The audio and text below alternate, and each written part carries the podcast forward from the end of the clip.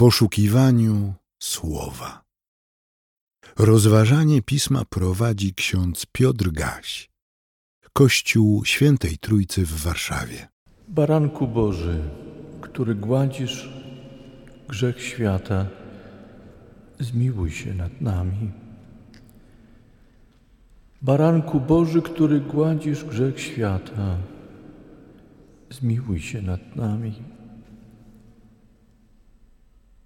Baranku Boży, który gładzisz grzech świata, daj i nam swój pokój. Amen. Siostry i bracia, czytamy w tym roku historię męki naszego Pana wedle świadectwa świętego Marka. W czternastym rozdziale tego świadectwa od pierwszego wersetu czytamy. A po dwóch dniach była Pascha i święto Prześników. I arcykapłani oraz uczeni w piśmie szukali sposobu, aby go podstępem pojmać i zabić.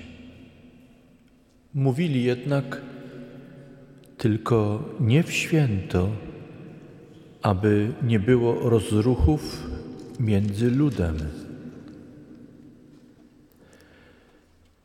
A gdy on był w Betanii, w domu Szymona Trędowatego i siedział przy stole, przyszła niewiasta mająca alabastrowy słoik czystego olejku nardowego, bardzo kosztownego.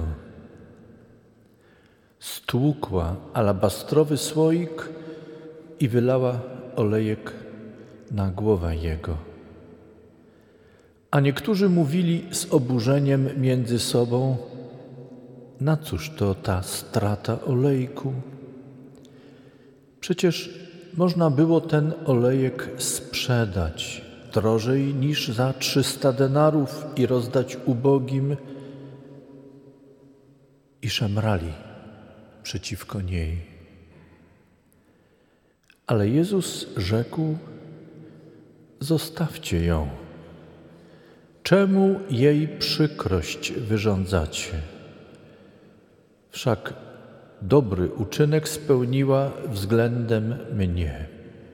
Albowiem ubogich zawsze macie wśród siebie i gdy zechcecie, możecie im dobrze czynić, mnie zaś nie zawsze mieć będziecie. Ona, co mogła, to uczyniła. Uprzedziła namaszczenie ciała mego na pogrzeb. Zaprawdę powiadam wam, gdziekolwiek na całym świecie będzie zwiastowana ta Ewangelia, będą opowiadać na jej pamiątkę i o tym, co ona uczyniła.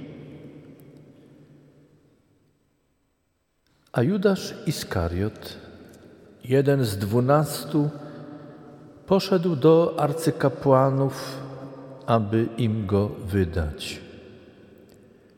A oni, gdy to usłyszeli, uradowali się i obiecali dać mu pieniądze. I szukał sposobności, jakby go wydać.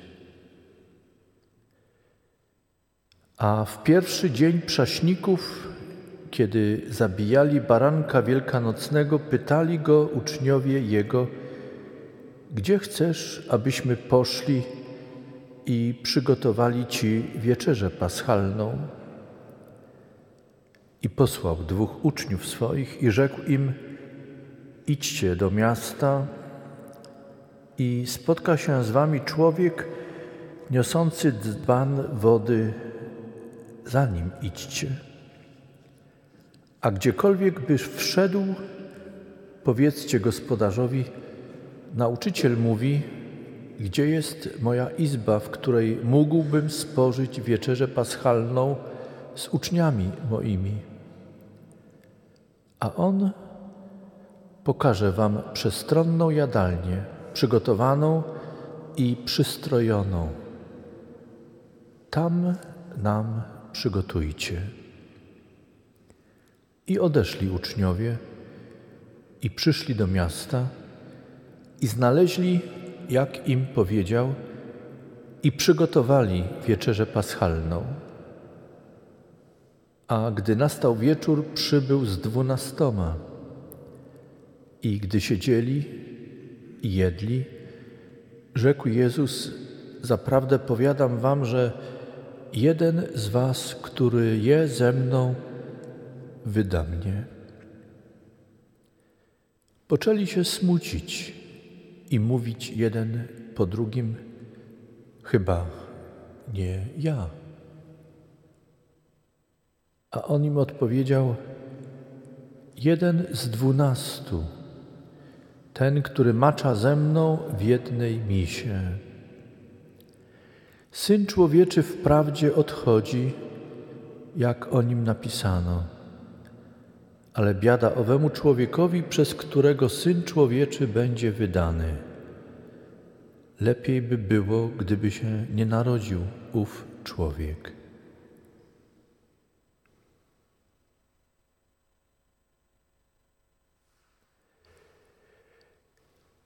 Panie Jezu Chryste, dziękujemy Ci, że dzięki temu świadectwu możemy zbliżyć się do Ciebie i doświadczać Twojej bliskości i słuchać Cię. To, co wtedy minęło, ale to, co jest, Ty sam najlepiej widzisz i wiesz.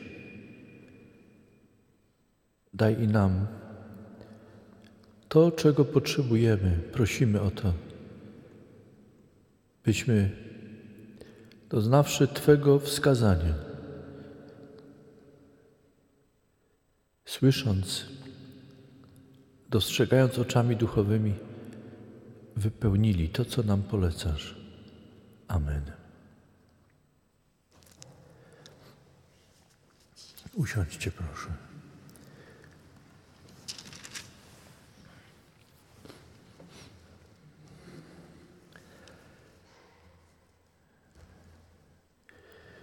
Siostry i bracia, Biblia nie jest kroniką świata, ale Biblia zawiera ważne słowa, które są niczym impuls, ustawiony sygnał na naszej drodze, znak, obok którego nie powinniśmy i nie wolno nam przejść obojętnie. Nie na każdym nabożeństwie czytamy i rozważamy wszystkie znaki, które Bóg ustawił tym, którzy byli przed nami i nam dziś.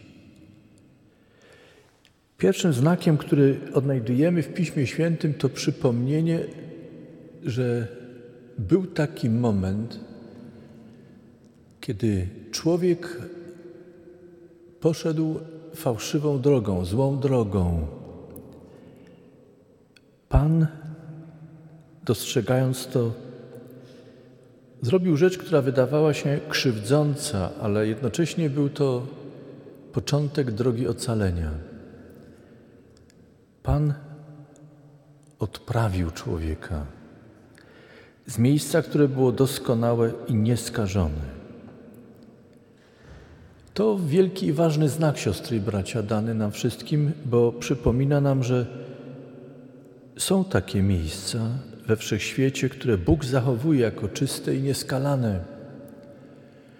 One są nam darowane i one czekają. Na kogo? Są przygotowane dla nas. Pan odprawiając człowieka, wypędzając go z raju, rozpoczął drogę, która miała być drogą powrotu i jest drogą powrotu. I tutaj pojawia się drugi znak, który dzisiaj słyszymy. Tym znakiem jest tekst dany nam w liście do Hebrajczyków. pojawia się znak arcykapłana, czyli najwyższego kapłana. Tego, który w dziejach miał określoną rolę do spełnienia, taką, która dotyczyła wydarzeń tu i teraz, ale jednocześnie była to rola, która zawierała w sobie coś z proroctwa, zapowiedzi. Jak słyszeliśmy, wskazania Boże przewidywały powoływanie od pewnego momentu arcykapłanów, którzy mieli do, spełni do spełnienia służbę pojednania. Mieli pamiętać, że są tak samo grzeszni jak wszyscy inni ludzie. Zanim wolno im było przystąpić przed Boże oblicze, musieli złożyć ofiarę za siebie, a potem także za lud. List do Hebrajczyków przypomina nam, Chrystus, który przyszedł na ten świat, jest doskonałym arcykapłanem, który nie musi składać ofiary za samego siebie, bo jest bez grzechu.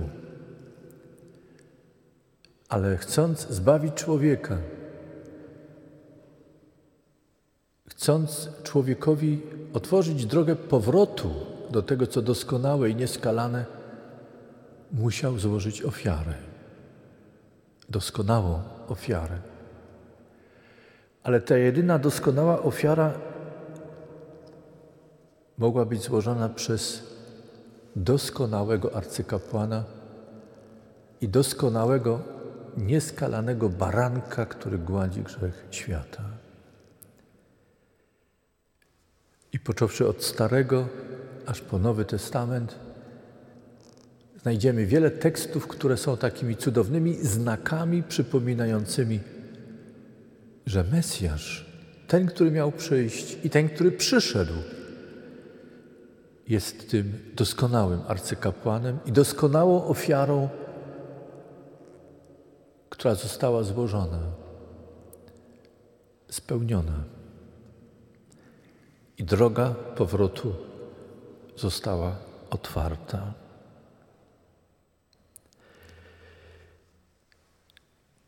Dzisiaj, kiedy sięgamy do Ewangelii, Ewangelii według przekazu Marka, Zauważmy, ona nie zachowuje chronologii co do wydarzeń.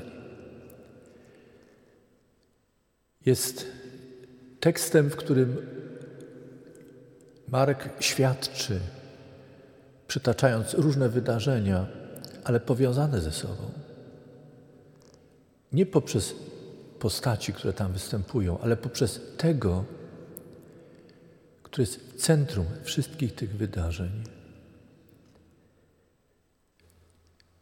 Pierwsza scena to świętobliwi mężowie, znawcy pism, Rada Najwyższa. Ludzie z wielkim i potrzebnym, ważnym doświadczeniem życiowym, także religijnym. Dźwigający ogromną odpowiedzialność za lud w złożonym, skomplikowanym czasie ówczesnych układów mapy politycznej. To potęgowało ich poczucie odpowiedzialności za sprawy ludu. Ci świętobliwi mężowie, dźwigający wielką odpowiedzialność za lud, dostrzegali wielkie niebezpieczeństwo ze strony tego, który był znany jako nauczyciel z Nazaretu, Jezus, syn Józefa i Marii, jako ten, który był nazywany przez jednych Eliaszem, inni widzieli w nim nowego Jana Chrzciciela, jeszcze inni widzieli w nim, no właśnie, przyobiecanego Mesjasza. Ale świętobliwi mężowie widzieli w nim przede wszystkim kogoś, kto zagraża. Nie im. Takim się przynajmniej wydawało, że szukając sposobu powstrzymania charyzmatycznego nauczyciela z Nazaretu, uważanego przez niektórych za Mesjasza, powstrzymując go, chronią lud przed trudnymi do przewidzenia wypadkami. Nie widząc innego sposobu, podejmują się rozważań, które wydają się sprzeczne z ich świętobliwością. Szukali sposobu, jakby go podstępem pojmać i zabić, czytamy.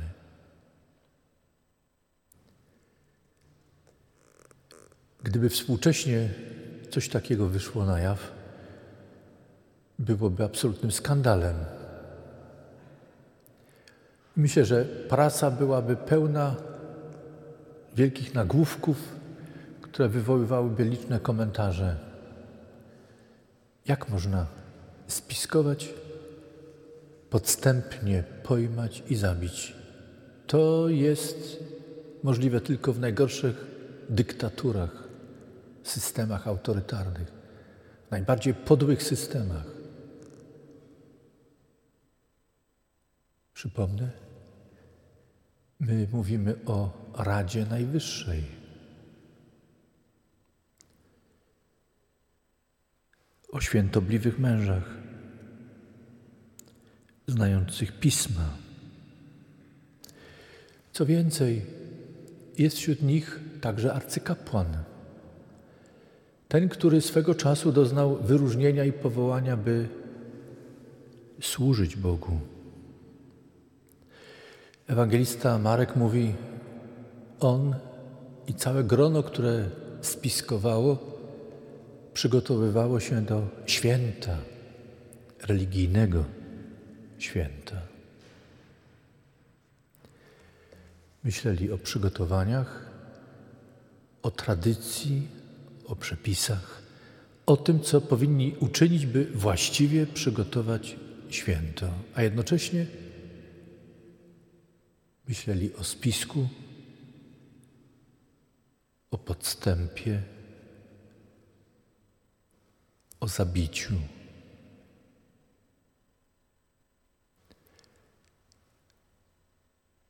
Zaślepienie. Po raz kolejny działanie w imię wyższej konieczności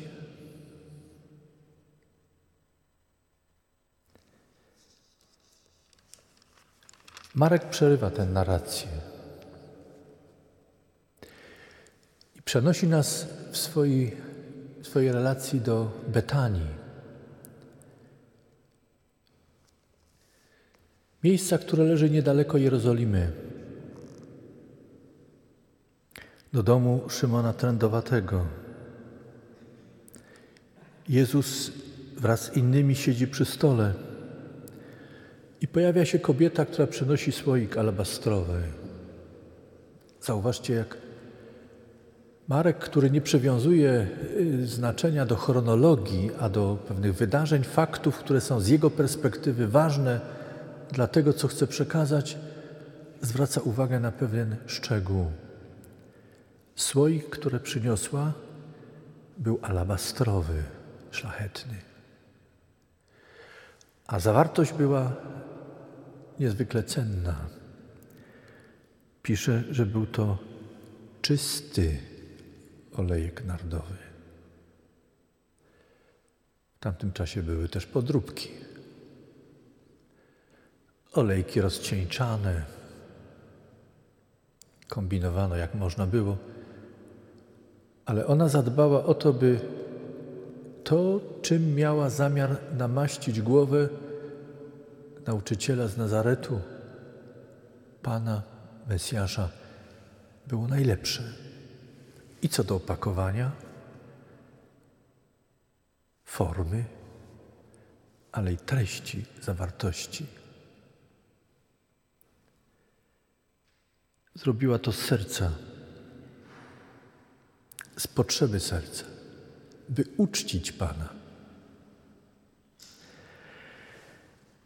Ale wokół Jezusa byli inni świętobliwi mężowie, którzy w strukturze społecznej nie zajmowali tak wysokiego miejsca jak ci, o których mówiłem wcześniej, ale byli przy nauczycielu. Oni nie spiskowali. Oni utożsamiali się z Jezusem. Byli gotowi wiele dla Niego dać i zrobić. Ale czyn tej kobiety, której przynajmniej w Ewangelii Marka nie znamy z imienia, jej czyn wywołał zdziwienie, a także oburzenie. Oni świętą sprawę, którą reprezentuje Chrystus, w której oni stali jako Jego uczniowie, tak definiowali, tak postrzegali, że czyn, który wykonała kobieta, uznali za marnotrawstwo. Można było sprzedać ten olejek. I znowu Marek zadbał o szczegóły. Zacytował wypowiedź przynajmniej jednego z nich. Za 300 denarów można było sprzedać ten olejek. Pewnie pamiętamy ze studiów biblijnych albo z komentarzy, które słyszeliśmy przy, przy innej okazji, solidna zapłata za pracę robotnika wynosił, wynosiła jeden denar. 300 denarów to 300 dni pracy. Zakładając, że cały zarobek dnia odkłada się na olejek nardowy.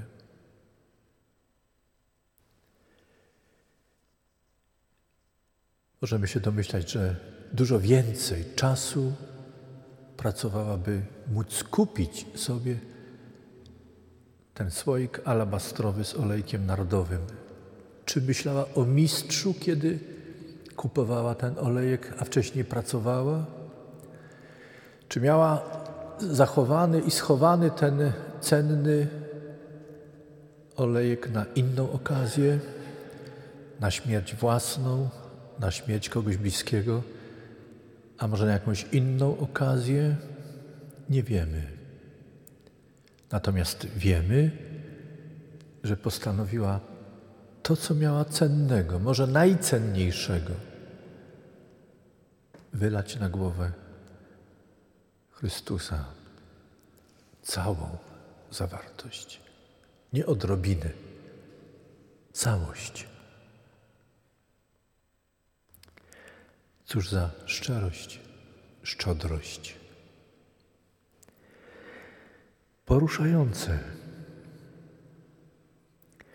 Chrystus wziął ją w obronę, jak słyszeliśmy. Chrystus widział w tym geście jeszcze coś więcej niż widziała kobieta, niż widzieli uczniowie, niż ktokolwiek z tego grona. Chrystus poruszony tym gestem, a jednocześnie widząc to, co jest przed nim, co zapowiadał swoim uczniom, że musi być pojmany, umęczony i zabity. Chrystus, mając to w sobie, idąc z tym do Jerozolimy, nosząc to tam w Betanii, wiedząc jak pewnie pośpieszne będą później wszystkie wydarzenia, widzi w tym geście kobiety namaszczenie jego ciała na jego pogrzeb. Coś wyprzedzającego i niezwykłego.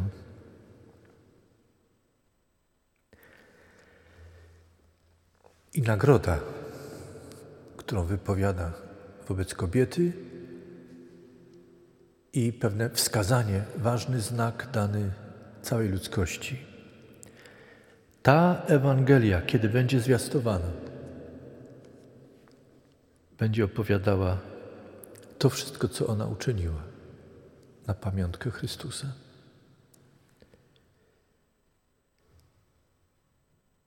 Przerywa ewangelista Marek swoją narrację po raz kolejny i pokazuje nam w dwóch krótkich wersetach, paru zdaniach Judasza Iskarioty, jednego z dwunastu, który siedział w Betanii obok Jezusa. Być może to właśnie słowa Judasza Iskarioty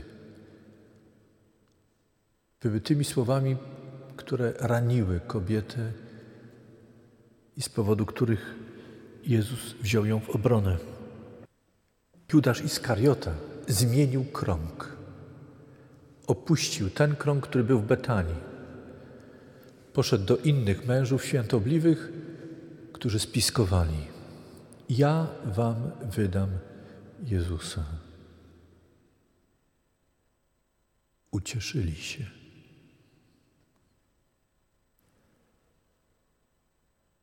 Wstrząsające.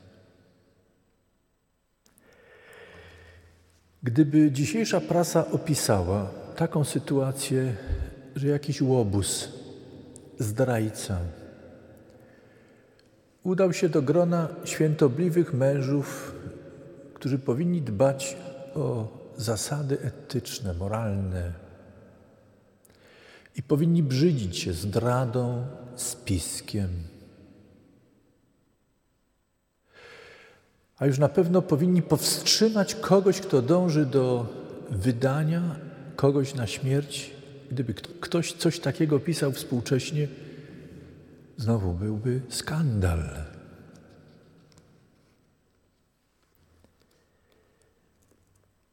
To się stało.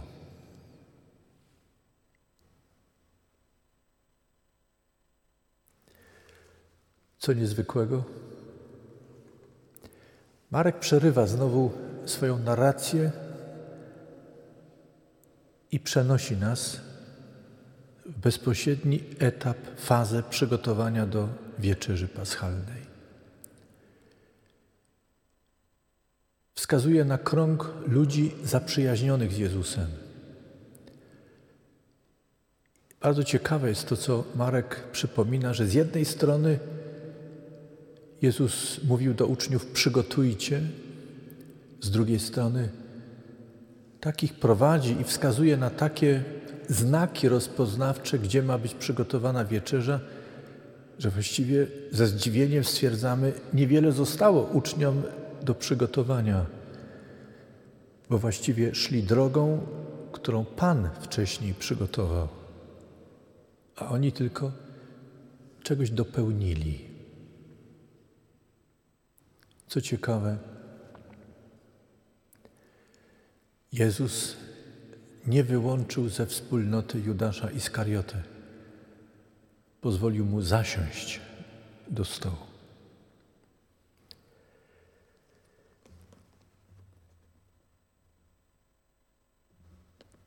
Jeden z Was mnie wyda. Jeden z Was, który jest ze mną, mnie wyda. I pytali, chyba nie ja. Nie byli pewni siebie?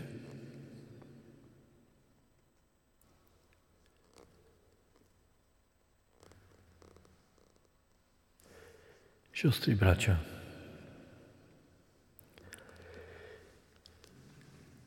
nie wiem w jakim kręgu zasiadamy swojej codzienności. Nie wiem skąd przyszliśmy i nie wiem dokąd wrócimy. Nie myślę tylko o naszym domu, o Waszym domu. Myślę także o tym kręgu ludzi w naszym społeczeństwie, w naszym mieście, w naszym kraju, w tym świecie. Pomyślmy. Pomyślmy, w jakim kręgu jesteśmy. Pamiętajmy, że nawet najbardziej świętobliwe grono nie daje gwarancji, że jesteśmy we właściwym gronie. Potrzeba nam czegoś więcej. Potrzeba nam Chrystusa, tego, który przyszedł na ten świat jako arcykapłan, jako dobry pasterz, jako Mesjasz. Przyszedł, aby jako jedyny doskonały, stając w różnych kręgach w tym świecie, obnażyć zakłamanie, hipokryzję, w której świętobliwość jest czasem maską przysłaniającą spisek, zdradę, niegodziwość, zepsucie.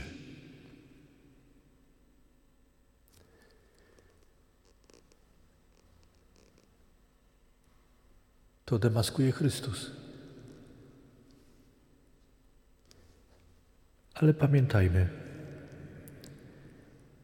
jeśli jesteśmy blisko Chrystusa, stajemy w gronie tych lepszych, innych, doskonalszych. Jeśli stajemy w gronie tych, którzy poszli za Jezusem, porzucili wiele, zostawili wiele, jesteśmy blisko naszego Pana, pamiętajmy, że i tam Istnieje niebezpieczeństwo, które sprawia i są sytuacje, które sprawiają, że kiedy Chrystus mówi, ktoś z Was mnie wyda, nie dochowa mi wierności, i my czasem musimy zapytać, chyba nie ja, Panie.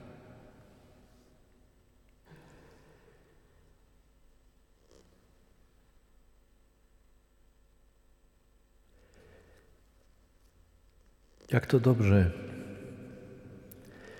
że na tym pierwszym nabożeństwie pasyjnym możemy znowu sięgnąć do z jednej strony znanej nam relacji ewangelisty Marka, z drugiej strony, jak to cudownie i dobrze, że mając za sobą kolejny rok kalendarzowy i przeżywając kolejny okres pasyjny, możemy na takim nabożeństwie jak to i na kolejnych, ale przy różnych okazjach sięgać do tekstów biblijnych, wydobywać te znaki, które Bóg nam daje, żeby postawić sobie to pytanie, w którym kręgu akurat jestem.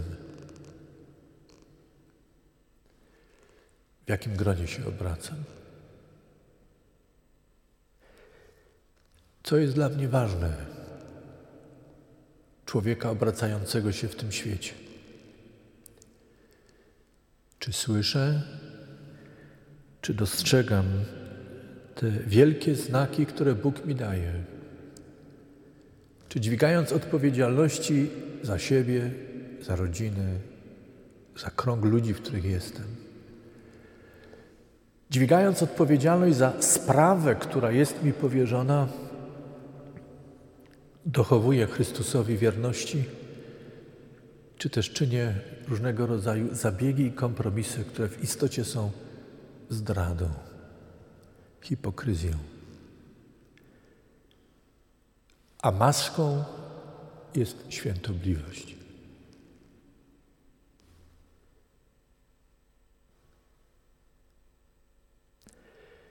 Kobieta oddała to, co miała najcenniejszego.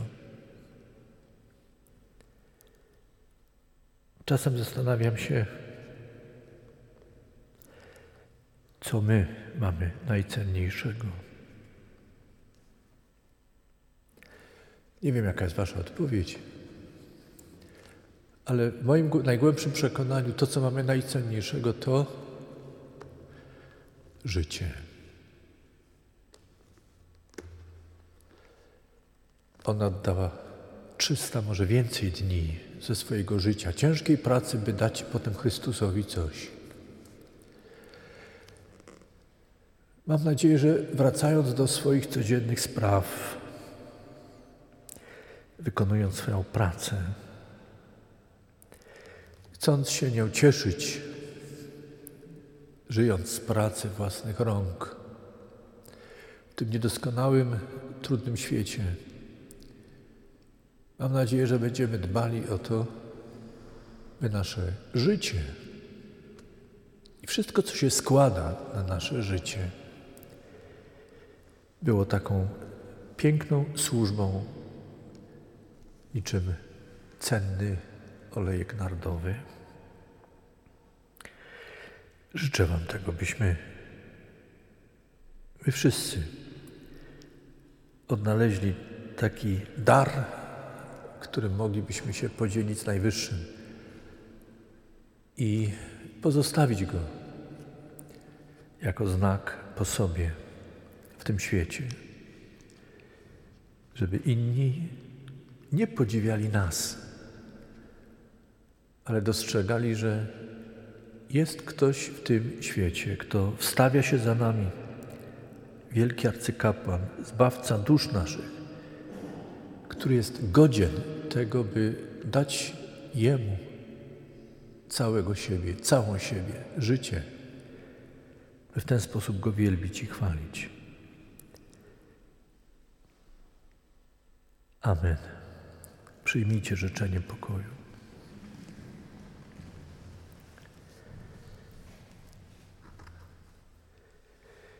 A sam Bóg pokoju niech nas w zupełności poświęci, aby duch nasz, dusza i ciało były zachowane bez nagany na dzień przyjścia i spotkania z Panem naszym, Jezusem Chrystusem.